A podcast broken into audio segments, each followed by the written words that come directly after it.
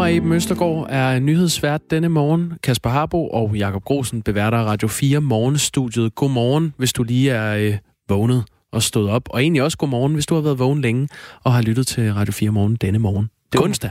Ja, det skal jeg love for. Ja. Og det er super tirsdag. Lille smule nu. I, er der ikke nogen steder, hvor der er ni timers tidsforskel? Jeg skulle lige sige, at det er altid super tirsdag et sted i verden. men det er det jo ikke, men det er det i dag. Øh, hvis man skal gøre det en lille smule simpelt, så står der 4-3 til Joe Biden lige nu i en kamp, hvor de spiller til 19. Altså, der har jeg prøvet sådan at forkorte med 100 i det, det det der. der lykkedes meget godt, det forstår man da. Ja, faktisk. Øh, vi følger med i sagen for at finde ud af, hvem det er, der efter Super Tuesday ser ud til at blive præsidentkandidat hos øh, demokraterne, som skal slås mod Trump senere til et præsidentvalg. Det vi også skal i den her time, som udspiller sig mellem 8 og 9, skal vi ikke lige slå et slag for det? Du skal interviewe Ålen. Det bliver stort. Ja, Peter Aalbæk, øh, som blev fyret som, øh, som blogger for filmmagasinet Eko. Han har skrevet øh, tre blogindlæg. Øhm, han har anmeldt anmeldere, og øh, der er han altså gået for langt. Det bliver han i hvert fald beskyldt for. Vi skal se på problemerne med de danske fængsler. Vi skal se på nogle problemer, som Astrid Krav har med kropsnær karakter. Og... Ja, i hvert fald noget, hun bliver påduttet nogle øh, billeder, blandt andet, hun får tilsendt. Ja, så skal vi også øh, tale med Nima Samani, som mange husker fra nogle gode, fine øh, debatprogrammer, han lavede på Radio 24 der hedder Stram Diskurs. Han er også kendt fra nattevagten her på kanalen. Men han får et nyt program i dag. Det hedder Retfærdighedens Stemmer, som er et sted, hvor han bruger sin juristbaggrund. Og i dag skal han tale med en mand, der min sanden også hedder Nima. Og Nima betyder vist nok ovenikøbet retfærdighed. Hold da op. Så Ringen er sluttet. Går vi øh, en sindssygt højere enhed. Det, det ser vi på lidt senere. Som altid, så kan du øh, melde ind. Hvis du har noget, du øh, gerne vil kommentere på, eller byde ind med erfaringer, holdninger, så skriv ind på 1424. Begynd din besked med R4 efterfulgt af dine øh, kommentarer. Vi kan jo starte med at efterlyse, hvis du sidder derude og øh, har været i fængsel og har oplevet, at det har skabt udfordringer, at flere og flere indsatte har anden etnisk baggrund end dansk, så vil vi gerne høre fra dig. Så skriver du ind på 1424 og øh, fortæller om dine oplevelser. Start beskeden med R4. Ja, Nyheden i det her er jo, eller nogen nyheder er det ikke, men der er kommet nye tal, der underbygger det. I de danske fængsler og arresthuse, der stiger antallet af udlændinge, indvandrere og efterkommere. Det viser en ny opgørelse fra Kriminalforsorgen. Og øh, ifølge formanden for Fængselsforbundet, som er jo altså det forbund, der har øh, fængselbetjentene under sig. Han hedder Bo Yde Sørensen, som vi talte med tidligere på morgenen. Jamen, så er det i høj grad en udfordring for fængslerne, at der er så mange indvandrere. Ja, det kan eksempelvis være, at den mad, der må spises øh, på, øh, på, på en given øh, fængselsafdeling, der må ikke lave svinekød i, øh, mad med svinkød i, øh, i, øh, i fælleskøkkenerne, bare for at tage et enkelt eksempel. Jeg har også øh, selv oplevet eksempler på, at, at indsatte uden muslims baggrund øh, er blevet påduttet øh, fredagsbøn eksempelvis. Godmorgen, Karina Lorentzen Denhardt. Godmorgen. Retspolitisk ordfører hos SF. Det er altså nye tal, der underbygger, at den er gal med, øh, med sammensætningen i de danske fængsler, og nogle steder betyder det, som øh, formanden for Fængselsforbundet her sagde, at øh, der bliver sat en dagsorden øh, fra de her øh, fanger med anden etnisk baggrund. Kan vi acceptere sådan noget i danske fængsler? Nej, det kan vi selvfølgelig ikke. Øh, det er jo sådan, at når man bliver indsat, øh, så øh, har vi jo selvfølgelig et ansvar for at beskytte andre indsatte mod hinanden, og også mod den form for social kontrol. Det er jo fuldstændig uacceptabelt. Man skal selvfølgelig have lov til at lave den mad, man har brug for i køkkenerne. Og det vil sige, det er ikke første gang, jeg har hørt de her eksempler, men jeg troede faktisk, at det var et problem, man havde fået hånd om for år tilbage. Men det ser ud som om, at vi måske skal have fat i den her øh, ting igen. Hvad har du lyst til at gøre ved det, når nu faktum er, at der sidder flere med ikke-etnisk, øh, altså ikke-etnisk dansk baggrund i de danske fængsler? Hvad, hvad vil du gøre ved det? Jamen, der er jo ingen tvivl om, at øh, folk med en anden baggrund end dansk har øh, en overrepræsentation, når det handler om kriminalitet. Og der tror jeg simpelthen, det handler om det lange sejstræk. Altså, det handler først og fremmest om nogle gode øh, skoleoplevelser. Øh, og der ved vi jo desværre, at, øh, at nogle af de drenge, som har en anden baggrund end dansk, klarer sig dårligere i skolen. Og, og når man gør det, så er vejen altså brulagt med, med rigtig dårlige ting. Men skulle de så havne i fængsel, så har vi selvfølgelig en forpligtelse til at, at sørge for, at tingene kører ordentligt der. Så, så jeg vil gøre flere ting i, øh, i den konkrete sag om fængslerne. Uh, jeg vil først og fremmest bede om, at vi får opdateret den brugerundersøgelse, som man er til laver øh, blandt indsatte, som blandt andet har fokus på øh, vold øh, mellem indsatte, men at vi måske også får den opdateret med et afsnit øh, omkring den her form for sociale kontrol, øh, så vi kan blive klogere på, hvad er omfanget.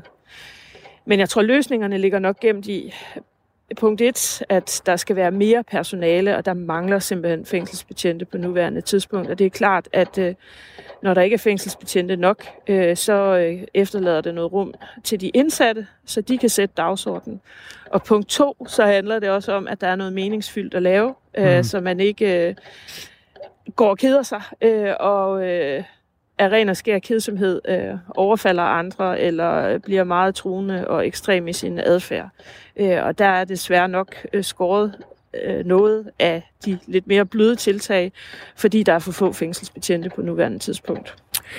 Det, øh, vi blandt andet hørte fra Bo Ydesørensen, som er formand for Fængselsforbundet lidt tidligere på morgenen, det er, altså han lavede sammenligningen med skat. Han sagde, at kriminalforsorgen og dermed fængslerne er altså i opløsning. En organisation i opløsning simpelthen. Øh, og det er jo ikke noget nyt problem, fordi øh, sidste år, der kaldte øh, SF, den daværende justitsminister Søren Pape Poulsen i samråd, og, og der kendte man jo også godt problemet. Det var det, Jacob Mark, der sagde på det tidspunkt, at det vi hører fra fængslerne og fra kriminalforsorgen er, at de er voldsomt pressede. Hvorfor er det stadig et problem? Jamen, der, der, der er flere ting i det. Altså, for det første så er der en rekrutteringskrise, hvor man simpelthen ikke øh, får rekrutteret nok øh, til at tage over for dem, som går fra. Øh, det er et af problemstillingerne, men jeg kan jo også godt forstå, at man ikke føler sig tiltrukket af øh, at få et arbejde i vores fængsler, når man hører øh, om de store udfordringer, der er. Og så er der rigtig mange øh, af de øh, fængselsansatte, som vælger at give op. Øh, vi rekrutterer dem til at skal lave et arbejde med mening i.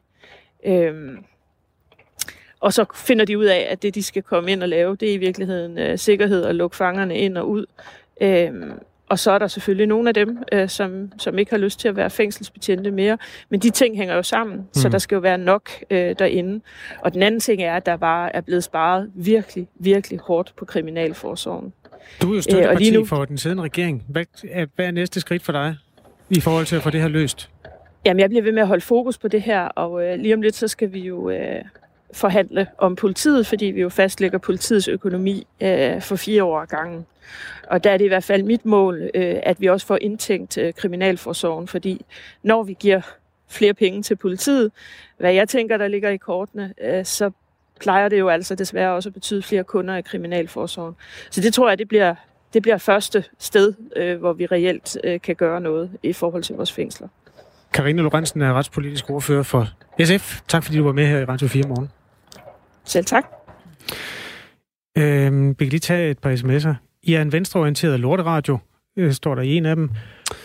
Øhm, så er der en, der skrev, ved ikke, hvad Karsten skrev. Det var, fordi du bad en, der hed Karsten, om at skrive pænt, altså holde en ordentlig tone. Ved ikke, hvad Karsten skrev, men vi er nok mange, som er enige med ham. Derfor skulle 24-7 fortsat sende, og ikke jer. De læste alle synspunkter op. Og til det vil... Ja, det, vil citat du, slut. Citat slut. Vil du kommentere, eller skal jeg? Fordi det gør vi også. Vi kom... Nej, jamen, altså, hvis man skriver, at en eller anden er en idiot eller syg i hovedet, eller sådan noget, så, så kommer de simpelthen ikke med. Det, Nå, det, nej, nej, men øh, og det, det, var, det er jo den, det den eneste form for censur, vi laver. Ja, præcis. Ja, det er sådan noget, Carsten skriver, så det, det kan du ikke få lov til. Faktisk. Og det er der ikke nogen, der får lov til. Og det gjorde man altså heller ikke på 24-7. Hvis det var sådan noget ignorerende eller decideret skældsord eller sådan noget, det gider man ikke at høre på i radioen. Man kan sagtens diskutere øh, også skarpt, uden at man behøver at, at komme op i det der... Øh, Ja, og, men ja. vi er også bare en venstreorienteret lorteradio. Hvad ved vi om det? Hold den gode tone, tak. Så vil vi gerne høre fra alle. Ej, den gode tone er lige at stramme. Det er sgu så kedeligt, men... Der er en, der har skrevet, og det, det er opløftende det her. I lovede også, der kommer noget med Askepot. Det var fordi, du, du sagde, du havde noget med Askepot. Er det der, vi er nu? Mm, gerne for mig.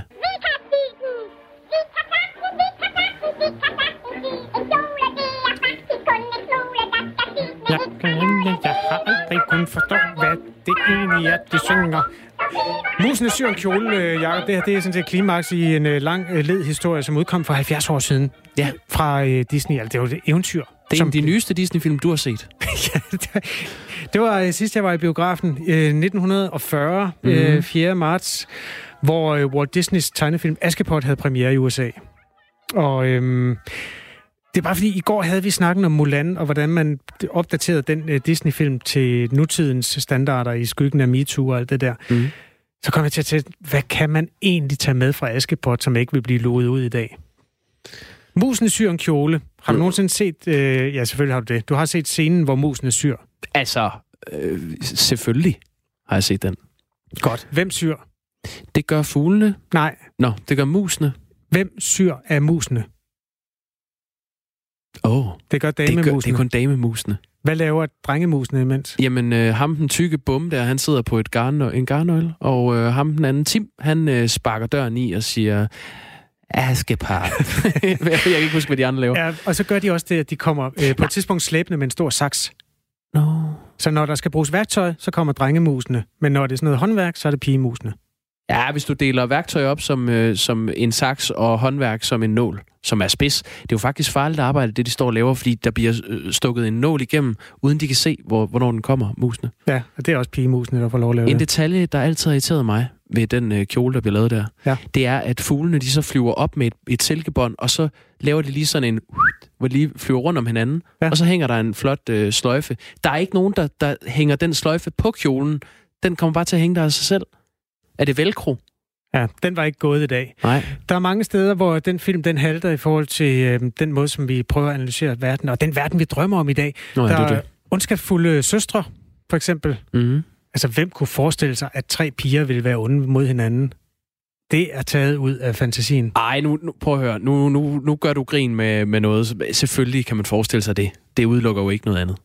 Så er der historien om, at øh, hun tager til bal med sådan nogle fine glassko på. Ja. Det er også rimelig heteronormativt, ikke? Nej. Nå, det må det, du godt. Ja, selvfølgelig må man det. Okay. Så er der den der med, at prinsen finder en af glasskoene, tager land og rige rundt og prøver at få øh, indkredset, hvem var det, den der lækre pige, der havde den der på. Mm. Og han tager den blandt andet hen til øh, Askepots øh, øh lede stedsøstre, ja. hvor den ene for at dokumentere, at det var faktisk hende, så hugger hun sin hæl af. Var den gået i dag? Gør hun også det i Disney-udgaven? Nej, det gør hun så ikke. Nej, det er vist Brødrene Grimms udgave. Det. Ja, der, der er altid blod og øh, indvold. Øh, ej, den var ikke gået i dag.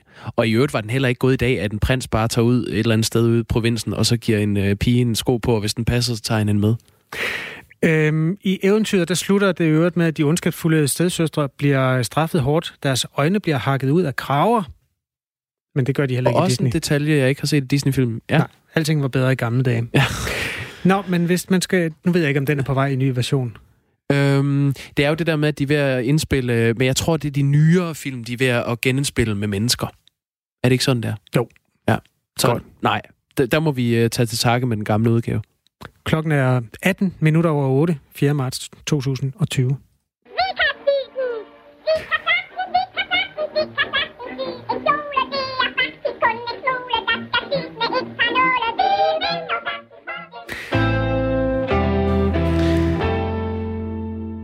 Og øh, skal vi så ikke bare sige øh, godmorgen til Astrid Krav? Godmorgen, Astrid Krav. Nå, det kan vi ikke. Hun er ikke på linjen endnu. Jo. Så, nå, men så tager vi lige og samler op med noget af alt det andet øh, lommeuld, der ligger og flyder her. Øh, vi kan tage sidste nyt fra Coronaland. Vi kan sige, at der er en øh, italiensk pokalkamp, der bliver udsat. Juventus og Milan skulle mødes i den italienske pokalturnering, men det har man altså øh, valgt at udskyde indtil videre. Det opgør på grund af frygten for, at tilskuerne skal smitte hinanden med corona. Aha. Ja. Tidligere på morgen havde vi besøg af professor i øh, infektionssygdomme, Lars Østergaard, fra, øh, som er overlæge på Aarhus Universitetshospital. Og han sagde, at corona rent faktisk i forhold til kendte øh, influenzaer ikke smitter så let. Så på den måde er der ikke i hans optik grund til, at vi her i Danmark tager den type øh, forholdsregler. Men Italien, og især Norditalien, er jo selvfølgelig rigtig hårdt ramt. De nyeste tal fra Coronaland fortæller, at der er øh, stadig godt 90.000 smittede på verdensplan. Ja, der og er... øh, stadig over 80.000 af dem er i Kina. Ja, og over 80.000 af dem er jo heldigvis også stadigvæk levende. Der er godt 3.000, der er døde af sygdommen. Opgørelsen, som er kommet fra WHW, faktisk HO her til morgen, fortæller, at det er en sygdom, der koster livet for 3,4 procent af de smittedes vedkommende. Og det er altså, når man gør det op på verdensplan. Og det er især mennesker med luftvejsproblemer og mennesker med svækket immunforsvar, der kommer af dage på grund af den her virus. I øjeblikket er der 10 smittede i Danmark, og de er ifølge de oplysninger, som Lars Østergaard kom med, øh, kom med her til morgen, øh, sådan ved relativt øh, godt mod alle sammen. Der er ikke, øh, ja, de er i karantæne, og der bliver passet godt på dem, de 10 smittede i Danmark. Og med det blev klokken 20 minutter over 8. Og nu kan vi sige godmorgen til Astrid Krav, øh, social- og indrigsminister fra Socialdemokratiet. Godmorgen, Astrid Krav. Godmorgen. Godmorgen. Øh, nu genbruger vi lige et spørgsmål, som øh, en af vores kollegaer har, har spurgt dig om. Hvor ofte får du tilsendt billeder af mænds peniser? ja, jamen øh, det, øh, det, det svarede jeg jo, øh, at, at det, det gør jeg egentlig ikke sådan, sådan set egentlig, men, men, men ligesom de fleste kvindelige politikere, så, så, så sker det egentlig mellem. Jeg, jeg ser det ikke, for jeg ser ikke længere indbakken på, på min Facebook. Blandt andet af den grund, men også fordi der er, er for mange øh, trælse kommentarer. Og det er, jo, det, det er jo desværre det billede, vi ser øh, i forhold til kvindelige politikere, at, øh, at, øh, at de er meget udsatte for, øh, for det, man kalder øh, seksuel chikane på sociale medier. Ja, prøv lige at sætte nogle flere ord på, at du har, du har droppet at kigge i din, øh, i din Facebook-indbakke. Altså, hvad, hvad er det, der ligger til grund for den beslutning? Og hvad betyder det? Er der noget godt, brugbart, du overser? Ja, det kan, jeg kan jo af gode grunde ikke vide, øh, hvad jeg overser, men jeg har, har lavet mig sådan et standardsvar, som jeg tror mange har, hvor, hvor folk får besked om, de kan sende en mail øh, ind, øh, ind til mig i ministeriet, hvis de har noget substantielt. Og det håber jeg også, at folk gør, fordi det er jo øh, meget vigtigt i mit politiske arbejde at, at høre fra folk. Nu er jeg jo social- og ændringsminister, så folk, som oplever at komme i klemme i det sociale system, eller, eller har nogle oplevelser med, hvor, hvor vi ikke hjælper godt nok som samfund, det betyder jo meget for mit øh, arbejde, at, at folk vil dele det med mig. Og for mange er det mere naturligt lige at skrive en besked på Facebook, end at sætte sig ned og, og lave en mail. Så jeg kan jo af god grund ikke vide, om, om jeg går, går glip af noget, men jeg håber da, at folk, øh, som, som har et vigtigt budskab, de så sender øh, en mail. Øh, hvad er det værste, du har oplevet på den her front? Jamen, det, det værste er, er i virkeligheden, fordi man kan sige, at man kan jo godt overleve billedet af en, en, øh, en, af en tissemand. Det er jo ikke, fordi det er farligt som sådan. Øh, der, hvor det er, er, er meget problematisk, det er jo, når der også er trusler øh, involveret, og det er der jo desværre også. Og det er jo, jeg ved, jeg er ikke hårdt ramt i forhold til, til nogle af mine kvindelige kolleger, og, og trusler, øh, hvor der er en seksuel undertone. Altså, øh, øh det kan jeg jo se fra, fra kolleger, da jeg selv var helt ung og nyvalgt, der fik jeg en, en telefontrussel om, om en, der ville gøre alle mulige ubehagelige ting ved mig med et, øh, med et jernrør. Og der er noget ubehageligt for alle i at få trusler, det er jeg helt med på. Men der er sådan et ekstra element, når det er, øh, er seksuelle trusler fra, øh, fra, øh, fra mænd til kvinder, fordi det er på et eller andet øh, niveau. Det kunne jeg jo mærke selv, da jeg skulle fortælle politiet om det. Der er noget ekstra ydmygende i, at man ikke bare... Øh, bliver troet med et lavtæsk, men der er den der ekstra dimension, at man bare er en lille kvinde, som øh, skal udsættes for alt muligt ubehageligt. Og det er jo et stort problem, at, at, at, der, at der er kvindelige politikere, og jo også lokalpolitikere, som, øh, som må leve med, med den slags trusler. Og det er der jo mange kvindelige øh, politikere, der har oplevet. Det er efterhånden dokumenteret ret klart, at det er jo ikke kun kvindelige politikere, men kvinder i, i forskellige offentlige positioner. Men er der ikke nogen af dine, dine mandlige kollegaer, der oplever noget i, i den her retning? Jo, altså jeg vil da sige, at, at tonen på nettet øh, er grov, øh, og jeg, øh, jeg tror også, at, øh, at, at jeg kan finde mandlige kolleger, som, øh, som får trusler øh, desværre. Øh, problemet ved det er jo, ja, der er to store problemer ved det. Det ene er jo, at det er, er noget skidt for vores demokrati, hvis det kun er folk, som, øh, som kan, kan sætte, sætte sig ud over det her øh, og, og vil leve med det, som går ind i politik, så mister vi jo en hel masse øh, gode, dygtige mennesker, som, som brænder for en sag. Og, øh, og, og, og det andet problem øh, øh, er selvfølgelig, øh, at, at det er jo desværre kommet i kontakt med mig nu, end det var tidligere, fordi jeg ikke læser min indbakke. Jeg tager heller ikke telefonen med ukendt nummer. Jeg har slet ikke en telefonsvar, hvor man kan indtale en besked, fordi der også var trusler og, og stønder og andet. Og selvom danske politikere jo ikke er, er lige så svære at få fat i som i, i nogle andre lande, så betyder det jo alligevel, at, at jeg, jeg er lidt sværere at få fat i for folk, end jeg var før, og det synes jeg jo sådan set også er et, er et problem på vores demokrati. Mm. Hvis man nu øh, skulle øh, være djævelens advokat på det, så kunne man jo også spørge, kan du ikke bare ignorere det? Jo, altså, det gør jeg jo også, det kan man sige. Det, det vil jeg overhovedet ikke at, at, at, at åbne og, og læse med i indbakken, er jo også at ignorere det. Øhm, øh, så synes jeg, hvis der, hvis der er trusler, særligt hvis, hvis der kommer noget, der har noget med mine børn at gøre, så, øh, så, så giver jeg det videre til politiet hver gang. Også sådan af princip, fordi jeg synes jo, det er, er vigtigt, at de mennesker, der sidder og, og afsender de her trusler, øh, ligegyldigt om de så ikke har tænkt sig at gøre virkeligheden ud af det, og det er jo heldigvis de fleste, der ikke har det, men at de forstår, at, at det kan man altså ikke tillade sig, og, og, og, og der er jo nogle mennesker, der har der har brugt deres øh, ene stemme på at vælge øh, øh, mig og andre politikere, og, og så, så må det også være sådan, at vi kan, at vi kan løfte det værv øh, med det, det ansvar, der følger med, øh, uden, at være, uden at skulle være udsat for den her slags ting. Nu taler vi jo meget om den her Facebook-indbakke, og det, øh, det kan jo i mange sammenhænge være virkelig en, en skraldespand. Men er der andre platforme, du, du har droppet, altså kommunikationsveje, du har droppet på grund af det, man kan kalde øh, chikane? Ja, for eksempel det her med, at man ikke kan indtale beskeder på min telefonsvar. Altså det vil sige, at jeg siger på min telefonsvar, at man ikke kan lægge en besked, men man kan sende en sms. Og det er jo heller ikke til at sige, hvor mange der ikke øh, fanger det. Øh, hvor mange spændende tilbud eller vigtige beskeder, som, som jeg ikke har fået af den vej. Øhm, så, så, og det samme, når jeg ikke tager telefonen, det betyder altså også, at der, der kan være øh, mennesker med gode budskaber til mig, som, som ikke kommer igennem.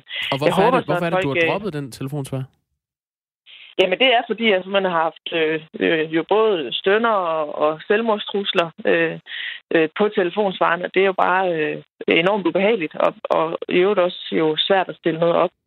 Øh, så, så for at, at undgå det, øh, og for at slippe for det, og det samme med ikke at tage telefonen, når det er ukendt nummer, der ringer, når man, når man engang har prøvet at, at få smidt trusler øh, i hovedet der, så, øh, så, så er det den nemmeste måde.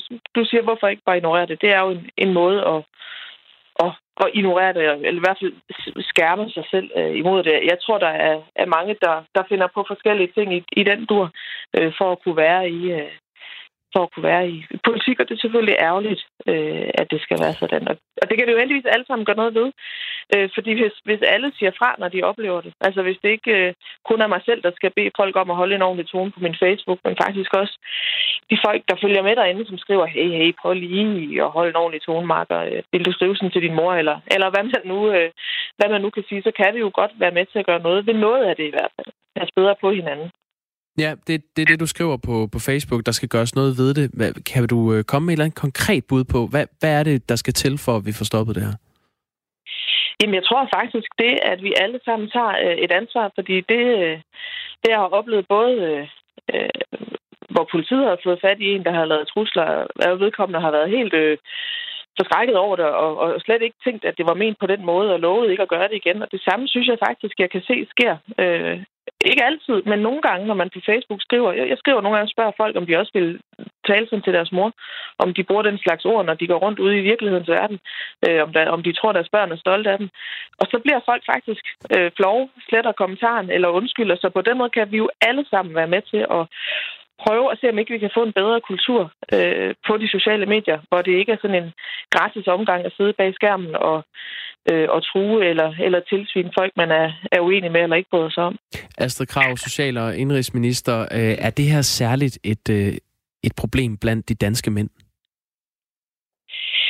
Det tror jeg ikke, at jeg har øh, som belæg for at sige. Jeg ved jo ikke, hvor mange, hvor mange øh, trusler mænd får fra kvinder, eller mænd får fra, fra mænd. Øh, men, men der er der klart et, et, øh, øh, et mønster, synes jeg, at der er en del undersøgelser, der viser efterhånden, at, at der er for mange mænd, der sidder derude bag skærmen og synes, at de kan tillade sig at gå meget langt i forhold til kvindelige politikere. Det håber jeg bare også, hvis der er nogen, der lytter med her, at de vil tænke over en ekstra gang. For det kan godt være, at det ikke betyder så meget for den enkelte, der gør det en gang eller to, øh, men for den kvindelige politiker, som som modtager mange beskeder, fordi der er mange, der gør det en enkelt gang eller to, så kan det jo faktisk være noget, der gør, at, at hun overvejer, om, om det er prisen værd at være i politik. Det, det har vi jo desværre hørt øh, flere øh, kvindelige politikere øh, gå med de overvejelser. Det sagde øh, Astrid Krav, social- og indrigsminister fra Socialdemokratiet, som man altså kan få fat i, hvis man sender en mail og taler ordentligt generelt. Det vil jeg gerne opfordre til. Tak for det. Ja, selv tak. Jeg sidder og kigger på et billede fra øh, et andet opslag, men i samme kategori, hvor der er en, der har offentliggjort nogle af de der trusler, som kommer, når man kaster sig ud i debat på de sociale medier. Ja. Og øh, jeg vil sige, kønsfordelingen er cirka 85-15. Altså mænd, der sviner til, er i klart overtal. Men der er også nogle kvinder, der kan give den gas. Også der er ligebehandlingsnævnets øh, øh, indflydelse gjort gældende efterhånden. De kan også Det er Radio 4 morgen. Klokken er halv otte. Vi tager lige den stak nyheder fra Dagmar Eben Østergaard.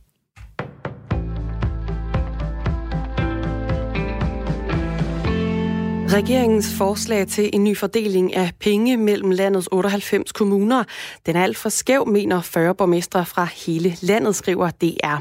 De har i de seneste uger holdt møder på kryds og tværs borgmestrene, og de har nu altså sendt et fælles brev med otte anbefalinger til regeringen og de partier, der lige nu forhandler om et udligningssystem. Der vil nemlig være alt for stor forskel på velfærden fra kommune til kommune, hvis altså regeringens udspil det bliver til virkelighed, lyder advarslen. Derfor så efterlyser efterlyser de nu endnu mere udligning fra de rige til de fattige kommuner. Vi er rigtig mange borgmestre, vi er altså 40 borgmestre, der siger, at det her bør I kigge på. Og det tror jeg vægter specielt, fordi det er borgmestre spredt på de to store partier, siger Ib Lauritsen, der er venstreborgmester i IKAST Brande til DR. Der er også borgmestre fra DF, De Radikale og Alternativet, der har underskrevet brevet. I brevet til regeringen og forhandlingspartierne, der skriver de 40 borgmestre med store bogstaver, at reformen ikke må tage udgangspunkt i ideologiske og politiske hensyn eller ønsker om at beskytte eller straffe konkrete kommuner eller kommunetyper. En ny udligningsreform den skal tage afsæt i kommunernes økonomiske udgangspunkt, lyder det. Faggrupper såsom fængselsbetjente og politifolk, de hjemsøges af PTSD, posttraumatisk stress, der kan vise sig i form af depression, angst og stress. Det viser en kortlægning fra VIVE, det Nationale Forsknings- og Analysecenter for Velfærd, som er udarbejdet for Justitsministeriet, skriver Berlingske. Her svarer 5,4 procent af de adspurgte fængselsbetjente, at de er diagnostiseret med PTSD. Samtidig så opfylder yderligere 13,5 procent af de adspurgte de såkaldte diagnosekriterier for PTSD. Blandt politifolkene der er tallet lidt lavere. Det er første gang, at omfanget af PTSD blandt danske betjente er blevet kortlagt. Resultaterne de bygger på en spørgeskemaundersøgelse blandt mere end 11.000 nuværende politibetjente og knap 2900 nuværende fængselsbetjente. Tallene de tegner ifølge justitsminister Nick Hækkerup et alvorligt billede, og over for Berlingske siger han, at der er brug for at styrke indsatsen.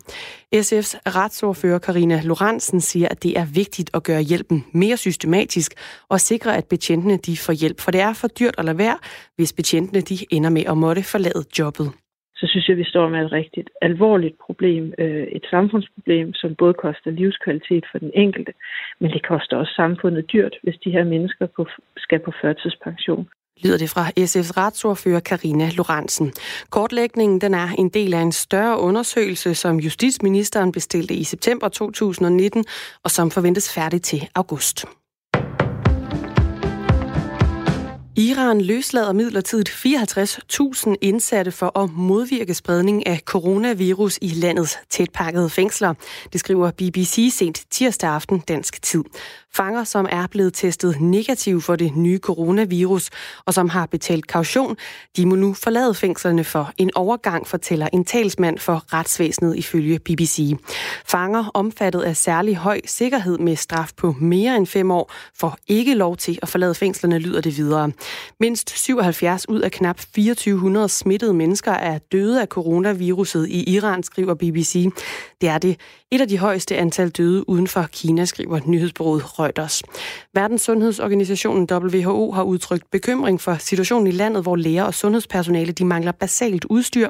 Det gælder blandt andet respiratorer til folk, der er hårdt ramt af sygdommen, som rammer luftvejene. Leder for WHO's nødprogram Michael Ryan siger, at situationen i Iran er mere akut end i mange andre lande. Her til morgen, der kan der være stedvis rimtog i Jylland, ellers så kommer der lidt eller nogen sol i løbet af dagen, men altså også enkelte byer. Efter en kold morgen, så stiger temperaturerne til mellem 5 og 7 graders varme.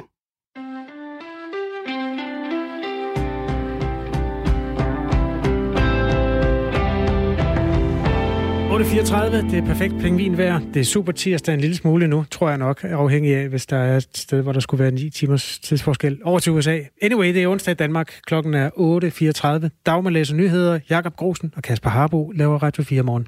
Og filmproducent og medejer af filmselskabet Centropa, Peter Aalbæk, også kaldt øh, Ålen, han er ikke længere øh, blogger. Det blev en kort fornøjelse. Han har øh, været anmelder på øh, filmmagasinet Eko. Øh, efter blogindlæg nummer 3 er han nu blevet fyret fra den geschæft. Han har skrevet en anmeldelse af en filmkritiker, der tidligere har anklaget Peter Olbæk for sexchikane. Og ifølge Eko, så gik det langt over stregen. Godmorgen, Peter Olbæk. Godmorgen. Godmorgen. I anmeldelsen, der har fået dig fyret, der skriver du blandt andet, det foto, som Nana, det er, ja, den her filmkritiker, du har skrevet har valgt at vedhæfte hendes libido gennemsyrede tekster i politikken, præsenterer Nana med et forsøg på et smil. Det ligner dog mere end snæren. Kan det virkelig være den samme kvinde, som gemmer så meget lyst? Og jeg kipper med fladet og uddeler begejstret 5 ud af 5 klask til Nana. Det er sjældent nu om dagen, at nogen øh, så direkte står ved deres drifter. Heldemodigt. Det, det var citat slut. Øh, Peter Olbæk, hvorfor har du skrevet sådan her i din øh, anmeldelse af, af Nana Frank Rasmussen, filmkritiker? Jeg var blogger på Eko, og øh, jeg fik lov til at lave nogle satiriske, og jeg ved da stolt vedstå, groft satiriske anmeldelser af anmeldere. Og øh, når vi er ude i grov satire, så bruger vi jo også groft sprog, og øh, jeg forsøger at være mundre. Så øh, det er min, øh, min øh, motivation for mit ordvalg. Det er et forsøg på at være munter? Ja, jeg synes, det er sjovt. Hvorfor øh, besluttede du dig i første omgang for at, at anmelde hende her, Nana Frank Rasmussen, som altså tidligere har anklaget dig for, øh, for sexchikane? Nana Frank Rasmussen er i sin gode ret til at anklage mig for sexchikane og skrive og gøre, hvad hun vil. Bare jeg får lov til det samme.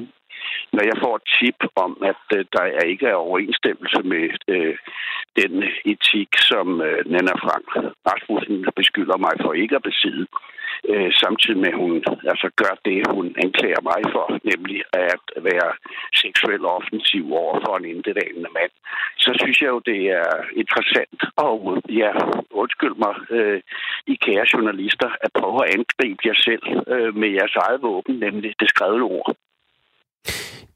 Lad os lige øh, få lidt, øh, lidt fakta for den her anmeldelse, du har skrevet, øh, Peter Olbæk. Øh, du skriver blandt andet, jeg kom i tanker om vedholdende rygter fra svundne tider. Deres ydmyge anmelder, det er altså dig, Peter Olbæk, skulle have klasket Nana i popoen under et cocktailparty på Berlinalen. Noget, jeg ikke erindrer, men absolut heller ikke fornægter. Uh, er, det, er det sådan, det var, at du har slået hende her i numsen?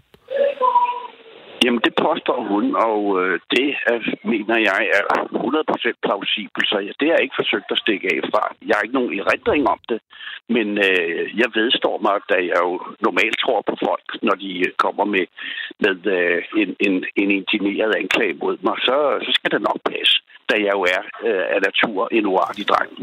Men hvis du nu har klasket hende i, øh, i bagdelen øh, uønsket, Hvorfor så øh, hvorfor ikke holde sig til at anmelde andre filmkritikere, som du ikke har slået i numsen, og som ikke har anklaget dig for sexikane?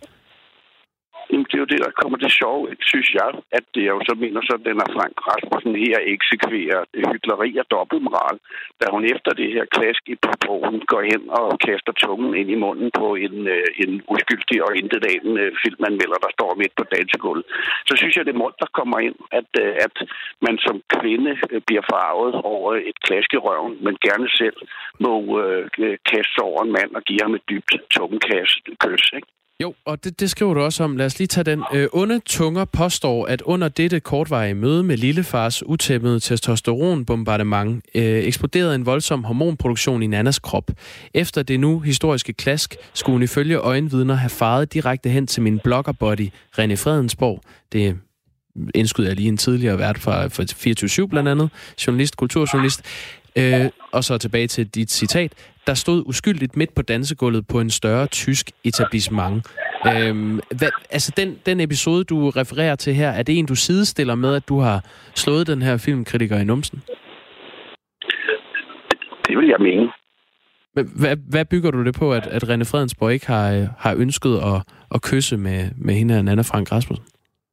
Jamen, det er jo her, jeg angriber det journalistisk. Jeg har fået et tip, og så har jeg undersøgt det tip, om det passer, og jeg har undersøgt det hos andre øh, øjenvidner, der ikke øh, var den person, der oprindeligt tippede mig. Og det er jo der, der er rigtig sjovt, øh, synes jeg, at, øh, at det kan hisse den danske journalist op, at jeg bruger jeres egne metoder til at anklage en af jeres egne øh, journalistkollegaer. Og det er jo åbenbart for stærkt for øh, medlemmer af den danske presse. Jamen, det er ikke kun medlemmer af den danske presse, der øh, har spurgt ind til det her. Det er jo også øh, formand for Danske Instruktør, Christina Rosendal. Hun har efter det her indlæg øh, beskyldt dig for at mobbe, faktisk. Altså øh, den her øh, øh, kritik af det blogindlæg, du har skrevet. Øhm, Nana Frank Rasmussen, hun siger, at du til en fest i Berlin spildte øl i hendes kavalergang, som du så selv tørrede væk. Og senere, da hun sidder i baren, så går du forbi hende, og så klasker du hende bag i. Og du har selv sagt, det, det kan du ikke huske, men det lyder plausibelt. Øh, hvorfor gør du så noget, Peter Olbæk?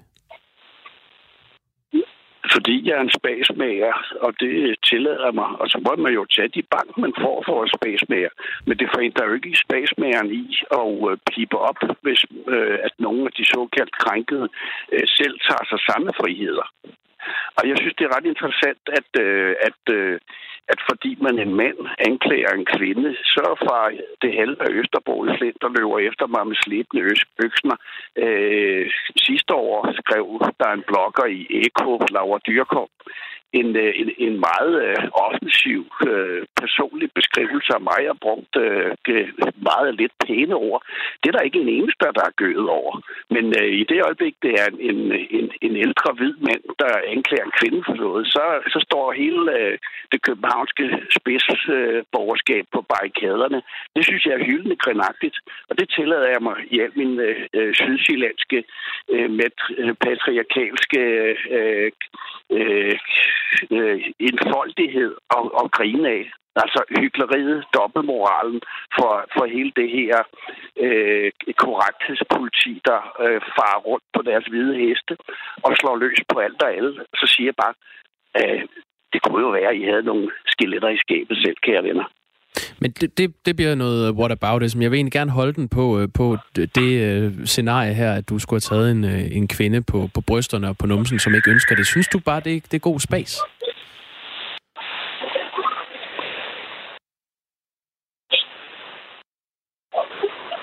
Jeg øh, har altid været en dreng, der elskede at provokere og øh, elskede at øh, og øh, være grænsesøgende, grænseoverskridende. Og jeg tager gerne de bank, øh, kære venner, øh, der kommer der af. Havde du gjort det igen i dag? Selvfølgelig. Hvad hvis det var øh, dine døtre, det gik ud over? En anden mand, der, der gjorde det samme med dine døtre? Så har jeg lært mine døtre at øh, slå fra sig og sige fra. Vil du gøre det ved mine døtre? Jeg har tre. Højst sandsynligt. Du vil få sådan især hvis du er lidt småfarvet, især hvis du er lidt småfarvet over det, så bliver det endnu sjovere. Ja, ja, ja. ja. Jamen, det, det må vi lige prøve at arrangere. Jeg er ikke helt sikker på, hvordan jeg vil reagere. Men øh, det er jo en ting, der bliver gjort op med mange steder. Er det blevet sådan en brand for dig, at, at det der MeToo, det, det er noget, du simpelthen ikke anerkender? Jeg anerkender MeToo. Jeg vil anerkende hver oprørsbevægelse mod autoriteter. Øh, men øh, jeg skulle aldrig ansat nogen på Centropa mod, at de skulle levere sexydelser til mig. Og jeg synes, det er hyggeligt grinagtigt, at jeg er den eneste sexgangster i Danmark. Jeg er ligesom personificeringen af, af, af alt, hvad øh, der er, er, er grimt og usmageligt ifølge nogle personers overbevisning. Og det tillader jeg mig, altså undskyld mig, at gøre nar af og øh, nægter at underkaste mig. Og så må I jo kalde mig en gammel øh, øh, øh, øh, redneck fra, fra et helt område på Sydsjælland, men øh, jeg er stolt af det, og jeg er stolt af, at jeg ikke underkaster mig det her, øh, synes jeg, altså øh, meget, meget, meget, meget lidt øh, nuanceret øh, syn på øh, spillet mellem kønnene. Altså det er jo at du ikke må rave på mine døtre.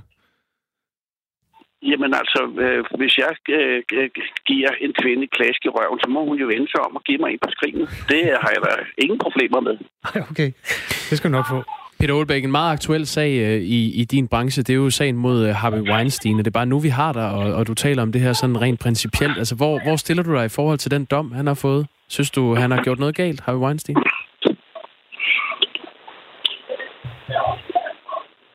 Kalde mig naiv, men jeg har jo totalt tillid til retssystemerne i den, i, den, i den vestlige verden.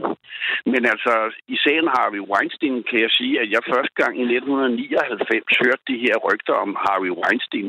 Og det vil sige, hvis jeg hørte det her følge i 1999, så ville jeg tro, at samtlige medlemmer af øh, skuespillerkorps øh, filmbranche i Hollywood må have hørt de samme rygter. Så jeg undrer mig over, altså, hvorfor er de her kvinder gået op på hans hotelværelse? Men det, det er kvindernes øh, egen skyld? Jeg siger, at øh, det er en syg branche, den amerikanske filmindustri, og åbenbart øh, så øh, øh, har der kørt nogle meget mærkelige øh, mønstre, hvor øh, nogen har øh, ved Gud i himlen altså taget sig for mange friheder, siger dommen jo helt klart. Men det er jo også mærkeligt, at man øh, som kvinde har stillet op til det, når man ved, øh, hvad agendaen var. Så, så hvis man vil være en del af filmbranchen, så måtte man acceptere, at det var altså en, en del af det, det var at blive låst inde på et hotelværelse, hvor man bliver voldtaget af en filmproducent. Nu ligger du mig jo, nu Nej, ligger nej, du nej, mig jeg jo dig om jorden. Nej, jeg spørger dig. Jamen, det, er- jamen, altså, det har jeg aldrig nogensinde selv eksekveret noget lignende. Men jeg undrer mig over en branche, der er så syg, at uh, alle parter åbenbart spiller sådan et spil i over 20 år, uden der er nogen, der gør noget ved det. Øh, synes du, det er et, et ligeværdigt spil, eller kan du se, at der er et magtforhold i det? Du prøver igen at lægge ord i munden på Nej, mig, det gør jeg ikke. Jeg spørger dig. Altså, jeg, jeg har ingen som helst sympati for, for den praksis, men jeg undrer mig bare over, at uh, folk har deltaget i det. Men er det, er det at deltage i, i en akt og blive voldtaget? På ingen måde. Men altså, hvis han nu øh, er kendt for at være en notorisk voldtægtsmand, som jeg hørte om for 20 år siden, hvorfor går man så alene op på hans hotelværelse? Jeg forstår det ikke. Jeg forstår ikke mekanismerne. Og det er jo det, jeg tillader mig at, at øh, stille det spørgsmål her. Hvorfor går man op, når man ved, hvad han er? Peter Aalbæk, filmproducent og medejer af filmselskabet Centropa. Du skal have tak for at besvare vores spørgsmål. Beredvilligt. Og tak for, tak for jeres farvelse, kære drenge. Det er synd for jeres journalist, at der er nogen, der angriber jer. Det må jeg mig over. Det jeg var er så ikke, jeg er ikke en skid farvet, Peter, men hvis du nogensinde rager på mine døtre, så får du sådan et par. Det er tilladt nede i Sydsjælland at give nogle snudslag. Nej, det er godt at høre. Vi ses. Det gør vi. Vi skal til øh, den store verden. Klokken er 8.47, og vi har jo øh, i, i de sidste dage fulgt Mads Anneberg, vores reporter, som først befandt sig på den tyrkiske side af grænsen, hvor han blev modarbejdet en lille smule af myndighederne. Nu er han på den græske side af grænsen, og det er jo med udgangspunkt i den øh, flygtningestrøm, som står klar til at blive lukket ind i Europa. Hvis det står til Tyrkiets præsident, så skal de bare komme afsted. De øh, græske øh, myndigheder ser anderledes på det, og der er jo øh, ankommet grænsevagter, som skal sørge for at holde øh, flygtningene ude af EU. Det er deres bundne opgave. Mads, du står sammen med en øh, flygtning-migrant. Øh, præsenter ham lige. Jamen, jeg står her sammen med en, en lille gruppe på, på fire unge afghanske mænd. Øh, jeg står på havnen i den by, der hedder Mytilini, som er den største by på, øh, på Lesbos. Og øh, hvad skal man sige, det er jo en af de øer, hvor mange flygtninge og migranterne kommer til. De her, de er kommet øh, inden for de sidste seks måneder alle sammen, altså har betalt menneskesmuglere for kom til, øh, til Lesbos. Øh, men har fundet ud af, at øh, det er ikke særlig fedt her, og de kan ikke øh, komme videre faktisk. Øh, ham, jeg har, ham jeg står med her, altså, han, de står egentlig alle sammen for at se, om de kan købe billetter til færgen, som lige er løbet ind her. Men, øh, men det, altså, det, det kan de ikke øh, få lov til, fordi der står på deres øh, øh, pas, at, øh, at det ikke er muligt. Øh, han står lige og taler i telefonen, jeg ved ikke, om jeg lige kan få en kommentar. Så, uh, øh, do you have, uh... so what, what's your name? My name is Habibullah. And why are you uh, on the harbor? What? Why are you uh, standing here to... Uh... We want to go from here to Athens. We and uh, we want to give a ticket uh, from uh, Mytilene to Athens. And uh, the police of uh, Greek, uh, they are say we can't uh, give ticket for we. We say why? They are say we uh, we don't want to you or go from here to Athens because uh, uh, we are like uh, mm, in here we are like uh, animals, and their people Greek of attack for we, and their I'm just gonna translate. Altså, han siger bare, at uh, de, de kan ikke få lov til at tage til, uh, tage til det græske øh, fastland for, for politiet her. De er altså, hvad skal man sige, uh, de, de, de sidder fast her på øen. Where, where would you like to go? What? Where would you like to go? after Athens? We after Athens, we want to go from. Uh, now we want to go from uh, Lesbos, and at that time we know where we we want to go, because Athens is very uh, Greek is very bad country. We know every person know and here is very bad. They don't want to we are staying here, but we want to go from Greek to another countries. We don't want to stand here. Øh, de siger, han siger så, at han, øh, de, de vil bare væk fra, fra Grækenland, fordi det er, et, øh, det er et slemt sted at være for dem. Han har også stået og vist mig billeder af Moria-lejren, den her berømte lejr på Lesbos, hvor han bor, øh, med, hvor der er ligesom store, store bjerge af, af affald, og, og hvor de står i kø for at få mad og sådan noget, hvor der er uroligheder, øh, og der er ingen af dem, der, der bryder sig synderligt om det. Nogle af dem, af dem jeg står med her, de har også prøvet at gemme sig under lastbiler for at komme med på, på færgen, men er ikke øh, lykkes med det. Øh, jeg spørger ham lige til sidst også lige, altså, øh, om han egentlig tror, at det vil være bedre øh, alle mulige andre steder i EU. Do, do you think it's going to be better for you uh, Yes, if you get to know. another country? we when we go from here we are i'm uh, finish school in afghanistan and i want to go from another country to continue our uh, future to uh, uh, university or anything i know but in here is no no school no university. Only go to attend and sleep eat. It's like this. Every day every day it's like this. Thank you very much. Øh, og så det han siger her, det er altså, han, øh, han havde håbet på ligesom at, at kunne studere videre, øh, hvor han, han endte med at være i, øh, i EU, men, men her der er det bare at hvad skal man sige, sidde i tent og, og spise mad, og så øh, gentage det samme øh, øh, dagen efter. Så man kan sige, det er, det er et symbol på, at øh, de flygtninge migranter, der er landet her på Lesbos, de øh, er ivrige for at komme væk igen. Mads Anneberg, altså reporter for Radio 4, som i øjeblikket befinder sig i det, som er den helt skarpe zone, hvor der i øjeblikket er flygtninge, migranter på den ene side og grænsevagter på den anden side. Og øh, vi holder selvfølgelig snor i masse de kommende dage for også at holde øje med det store politiske spil, der sker omkring situationen i Tyrkiet og de flygtninge, der tager den ind over Middelhavet til Lesbos. Nu er klokken blevet 8.52. Der åbner et nyt øh, radioprogram på Radio 4 i dag. Ja eller nej? Har du nogensinde fået frikendt en, du vidste var skyldig? Ja eller nej? Ja, det må jeg sige ja til. Okay. I hvilket tilfælde?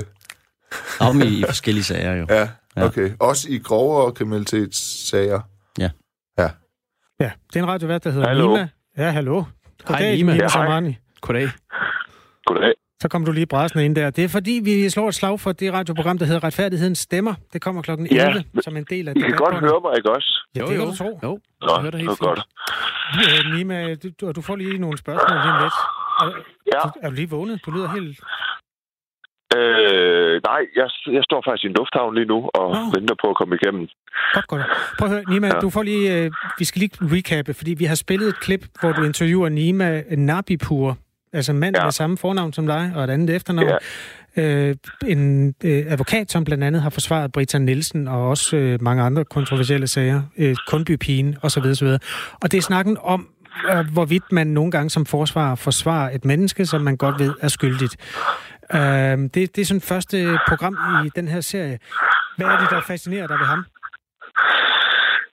Jo, men det, der egentlig fascinerer mig ved ham, det er, at han øh, forsvarer sådan set øh, retsstaten og de principper, der er omkring. Man kan jo sige, at øh, i sagen om øh, Kundbypigen og Britta Nielsen, der har folk en mening, og folk de har også en mening om, hvordan der skal dømmes, og at 6,5 år for eksempel til Britta Nielsen, det er øh, for lidt og så videre. Så det fascinerer mig sådan set, at han øh, vælger at stå op for retsstaten og så øh, forsvare øh, nogen, som er meget, meget forhatte. Også selvom det medfører, at han får alle mulige grimme beskeder i sin indbakke, til nærmest også trusler, og nogle af dem, de jo så faktisk havnet hos mig, fordi folk de har forvekslet ham med mig, fordi vi har samme fornavn, ikke?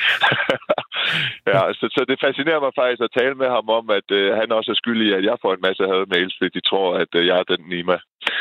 Hvad, hvad er det, der fascinerer dig ved det? At han tager det er, fa- kamp? Hvad er det, der fascinerer dig? Jamen, det, der fascinerer mig ved det, det er jo selvfølgelig, jeg er jo også uddannet jurist, og det, der fascinerer mig ved det, det er, at hvis man tror på et demokrati og en retsstat, så øh, forsvarer man sådan set alle, uanset om de er pædofile, eller de er voldtægtsforbrydere, eller de er røvere, eller terrorister, eller hvad det er. Hvis man tror på, at man fra øh, fødslen har, har ret til, til forsvar, så kan man ikke komme bagefter og sige, at det har du ikke, fordi det, du har gjort, det er så og så slemt. Øhm, I et demokrati, der er det jo sådan, at, at øh, der er en anklagemyndighed, og så er der et forsvar. Hvis der ikke var et forsvar, så kunne anklagemyndigheden trumle et hvert menneske til enhver tid, og så ligner det jo et totalitært samfund. Og der skal vi ikke hen, så derfor så synes jeg, det var relevant i første program at tage en forsvarsadvokat ind, der ligesom også giver udtryk for senere i, i udsendelsen, øhm, end det, jeg har hørt, at, øh, at han sådan set er villig til at forsvare hvem som helst. Det kommer ikke an på forbrydelsen. Det er sådan et forproduceret program, det her. Det er derfor, vi har kunne spille øh, klip fra det. Har du tænkt ja, dig at lave det direkte ja. Øh, lidt Det kommer hen? til at blive øh, live fra øh, øh, onsdag i næste uge. Så, øh, så og det kommer også til at være... Nu, nu, nu var det ligesom lige øh, præsentationen af programmet og, og piloten her. Det, det tænkte jeg, det skulle være med en forsvarsadvokat, og det skulle være med en, der var, hvis navn var meget aktuelt. Men, men fremadrettet, der vil jeg også øh, invitere politikere ind. Altså, det er jo dem, der er lovgiver, og konfrontere dem, eller udfordre dem på de lov, de, øh, de vedtager. Det kan være hvad som helst lige fra samtykkelov til lovgivning på voldtægtsområdet. Altså, i forhold til retssikkerheden, kommer den til at gå ud over mænd, eller øh, bliver den hvordan kommer retsstillingen til at være for offrene og så videre, når man ændrer i loven. Det kan også være det her med fratagelse af statsborgerskab uden rettergang, bare folk de rejser til Syrien og sådan noget. Og så vil jeg ind og have nogle, have nogle af de her politikere, der stemmer for de her lov øh, i studiet og, og, og, og tale med dem om det, hvorvidt det er et kompromis med retsstaten, eller om det er helt øh, intakt med retsstaten. Jamen, det kommer simpelthen til at udspille sig mellem 11 øh, og 12 hver onsdag på Radio 4. Det gør det nemlig. Det er det, vi det kalder debatbåndet, og det var derfor, jeg lige skulle fiske efter, om du har tænkt dig overhovedet at tage noget debat med Radio 4's lyttere. Men det har du så. Ja, jeg kommer også til at inddrage Radio 4's lyttere, bare ikke i dag. Der er det forproduceret, Nej. som man siger. De er også i topform. Det kan du øh, bruge lidt lade tilbage og lade dem gøre. Nima Samani, øh, god arbejdsløst og velkommen øh, på, øh, på den, hvad skal man sige, mere civiliserede tid på dagen i Radio 4. Du plejer kun at være nattevagt. Det er lige præcis det. Tusind tak skal du have. Det er godt. Flyv godt, hvis det er det, du skal ud og flyve. Hej. Hej, hej. Ja, tre minutter til klokken slår ni her i Radio 4 morgen. Hvad skal vi have samlet op på stort og småt? Mm, skal vi have den eneste positive øh, side af mønten i forhold til den der coronavirus? Ja, hvis der er sådan en, så skal vi have den da. Det er der faktisk, og det er, man skal jo lede godt efter den, fordi det er over 90.000 smittede på verdensplan. Det, det står øh, skidt til. Øh, men det eneste gode, der er kommet ud af det her, det er, at øh, forureningsniveauerne over Kina, de er blevet bedre. Og de er blevet meget bedre. Altså faktisk så dramatisk meget bedre, at NASA har været ude og sige, at de har ikke set noget lignende. Og det er simpelthen, fordi der er mindre trafik, eller hvad? Ja, det er det, er det der hedder kvælstofdioxid, øh, øh, som kommer fra industri og motoriserede øh, køretøjer. Og øh, det er faldet ekstremt meget, den giftgas, der kommer op i, øh, i atmosfæren. Du prøv at, se, prøv at se det her billede. Ja. Det er fra 1. januar, det er der til højre, og så øh, kan du se, hvordan det ser ud i februar. Det er et luftfoto, som, øh, som NASA øh, har taget, den amerikanske rumfartsadministration. Hvad er det, du ser på det billede, Kasper? Jamen, det ligner sådan en vævsprøve, hvor man i virkeligheden kan se nogle gule områder, som er betændte, og så er der noget rødt, hvor man sådan tænker, uh, det, det er nok det, der skal skæres væk, hvis man skulle opereres. Men det er så Kina, forstår jeg. Ja, og øh, en forsker i luftkvalitet fra NASA, som hedder Fei Liu, hun siger, det er første gang, jeg har set et så dramatisk fald over et så stort område på grund af en specifik begivenhed. Og det er jo fordi, at man har lukket ned for øh, fabriksarbejde og øh, millioner af mennesker i karantæne i Kina. Men det er altså det eneste gode, der er kommet ud af det, det er, at det er bedre for klimaet. Jeg vil så faktisk godt hejse et flag mere, fordi der er jo skåret kraftigt ned på trafikken. Ja. Øh, flere store byer er lukket ned, og der er jo ikke øh, den trafik imellem dem. Altså, af gode grunde, som der har været før. Jeg undersøgte i forbindelse med det her, hvor mange der egentlig omkommer i trafikken i Kina. Ja. Normalt. Og det er et enormt tal, som man så kan dividere med 365. Og så har man det daglige antal øh, dødsoffre i den kinesiske trafik. Som er hvor mange? 700. 700 dør i trafikken om dagen i Kina? Ja, og det er jo et kæmpe rige, hvor der bor næsten halvanden milliard mennesker. Ja. Så de har i den forstand råd til det. Men jeg vil ved med, når vi får de næste tal fra de statistikker der, at det også er gået ned. Ja. ja, vi bliver mere og mere glade for corona, han har sagt. Det, det gør men vi det er ikke. altså, man skal, man skal lede længe for at finde det positive, men der er altså også uh, ting, der går i den rigtige retning. Og i øvrigt så sagde uh, Lars Østergaard, som vi havde inde, uh, som er, uh, ja hvad er det han er? Han er professor i infektionssygdomme eller noget af den stil. Ja, overlæge på Skype sygehus. Ja. Men det hedder det ikke mere, et eller andet Aarhus Universitets Hospital. Han svarede jo beredvilligt på uh, lytternes spørgsmål her tidligere i dag, og han, uh, han sagde, at der var, der var også øh, grund til at, øh, at tage lidt med ro. Lars Østergaard, han svarede faktisk på en masse spørgsmål, og jeg tror, vi sætter vores øh, so me-type, Mikkel, det gode menneske, til at klippe lidt i de svar, som Lars gav, og så kan han lægge dem ud som en lille Facebook-film, fordi der var en dejlig uhysterisk stemning omkring det. Lars Østergaard, han fik også spørgsmålet, hvordan går det egentlig med de 10 danske smittede? Og han kender så ikke de, dem alle sammen personligt, men han kender jo nogle af dem, fordi de har haft deres gang på det her super sygehus. Og uh, med dem går det fint. Det var, ja. det var meldingen derfra. Det var meldingen, så det kan man jo tage med ud i dagen, som øh, kun lige er begyndt, men Radio 4 morgen går på held. Lige om lidt, så skal vi høre fra Dagmar i Møstergaard, som står for nyhederne denne morgen, og derefter er der ring til Due kl. 9.05.